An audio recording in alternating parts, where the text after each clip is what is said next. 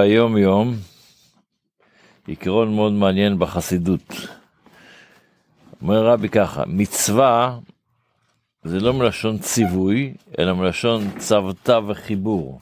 מצווה זה מלשון שאתה מתחבר לקדוש ברוך הוא, עושה מצווה, מתחבר עם העצמות ברוך, ברוך הוא. כשהוא המצ... שהוא, העצמות, העצמות של הקדוש ברוך הוא, היא המצווה את, המצו... את, הציווי, את הציווי ההוא.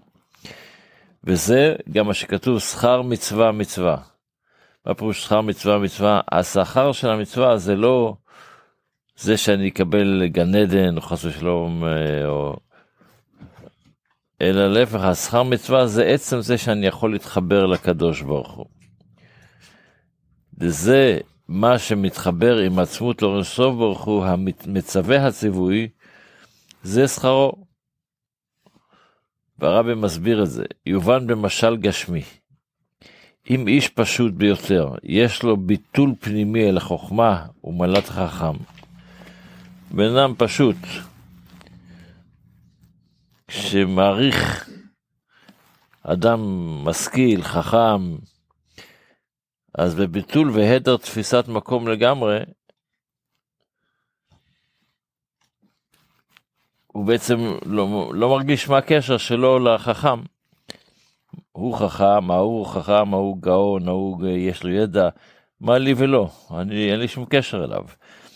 אבל, וזה הולך לשני כיוונים, וגם ההרגש של החכם הוא, הרי האיש הפשוט אינו נכנס אצלו בגדר כלל, אז אין זה שמבטל ודוחה אותו חס ושלום, אבל הוא אומר מה הקשר, מה לי, מה לי ולא, כי אני, הוא, הוא בן אדם פשוט ואני חכם.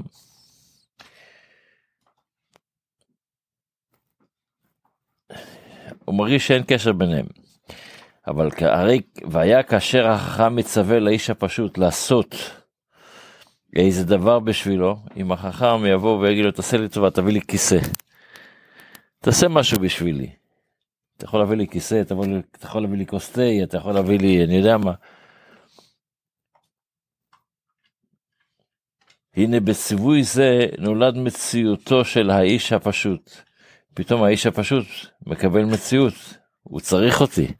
הוא ביקש ממני להביא לו כוס תה, הוא ביקש ממני uh, לעשות לו משהו.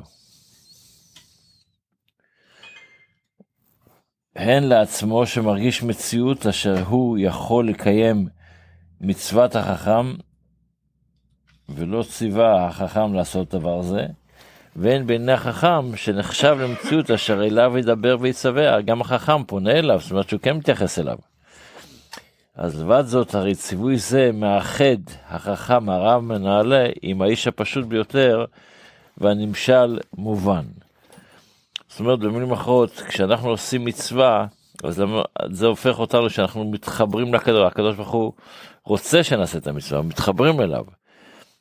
ומובן גם כן אשר ביחס להנ"ל אין הבדל כלל במה יהיה הציווי, לא משנה עכשיו אם יבקש ממנו כוס תה או שיבקש ממנו כיסא או שיבקש ממנו, אה, אני יודע, הדבר הכי הפשוט, תדליק לי את החשמל.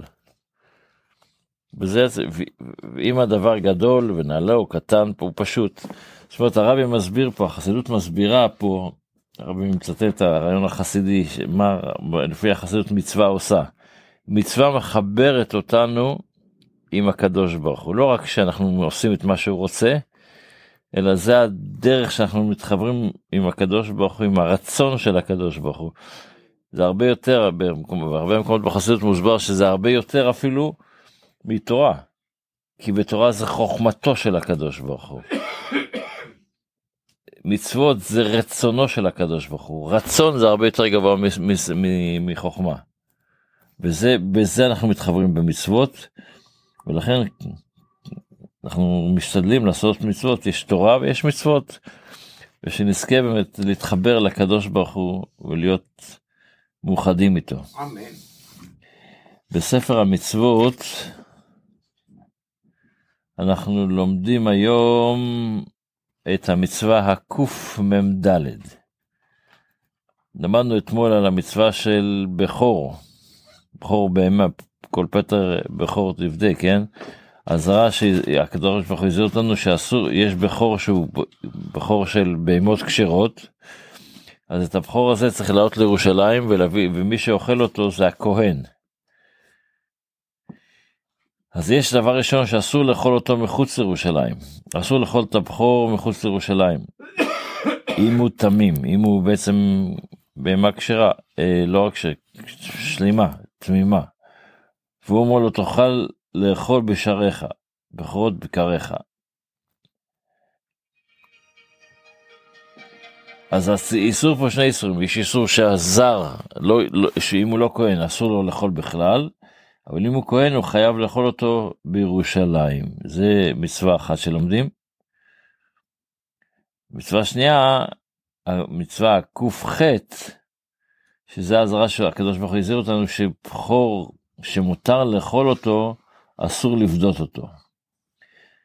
אשר הוזרן מלפדות בכור בהמה טהורה, ואומרו יתן לך בכור שור, או בכור כבש, או בכור עז, לא תפדה קודש שם. אבל אתה יכול למכור אותו ולקנות בכסף הזה אה, במה אחרת, אתה לא יכול, לא צריך לסחוב אותו עד ירושלים עם הכבש, אתה יכול לפדות אותו, כמו פסח שני, כמו אה, מעשר שני. בתפילה אנחנו עכשיו... אפילו שלא יכולים לפדות אותו, אבל יכולים למכור אותו. זה אותו דבר. לא, זה, זה לא אותו דבר. לבדות אותו זאת אומרת שאתה לא חייב... אתה... אתה קונה את זה בכסף. כן.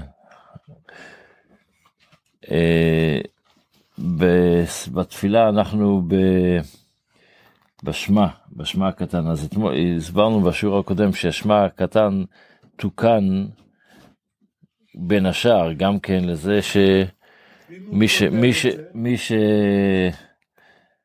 מי שזוכר, מי שרוצה להתפלל באריכות ולהגיד שמע בזמן, אז אומרים לו תגיד שמע עכשיו.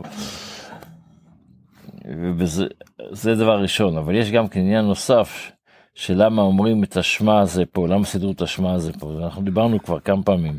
דבר ראשון שאמרו שמה, את השמע הזה תקנו אותו פה כי בזכות, ב, בזכות, בגלל שאותו מלך רומאי שציווה שלא, שאנחנו לא נקרא קריאת שמע בבית כנסת, אז עשו את זה, עקפו אותו, תקראו קריאת שמע בבית. אבל יש, המהר"ל למשל כותב למה שכתבו את התק...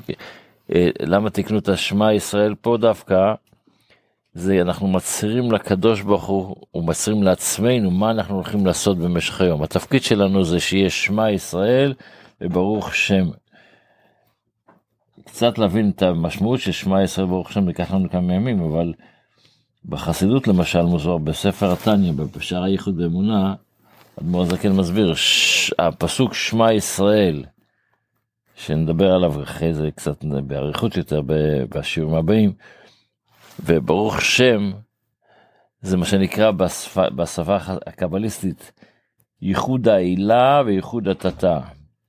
אנחנו עכשיו דיברנו על המצוות, שאנחנו מתאחדים עם הקדוש ברוך הוא, בעצם הקדוש ברוך הוא ואנחנו, זה מרחק בין יום ללילה.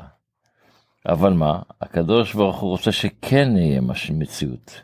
יש, יש איך שהקדוש ברוך הוא, בעצם זה ביהודי צריך לדעת שאין מציאות אחרת, וידעת היום והשיבות על אביך כי השם אלוקים בשמיים ממעל ולארץ מתחתן עוד.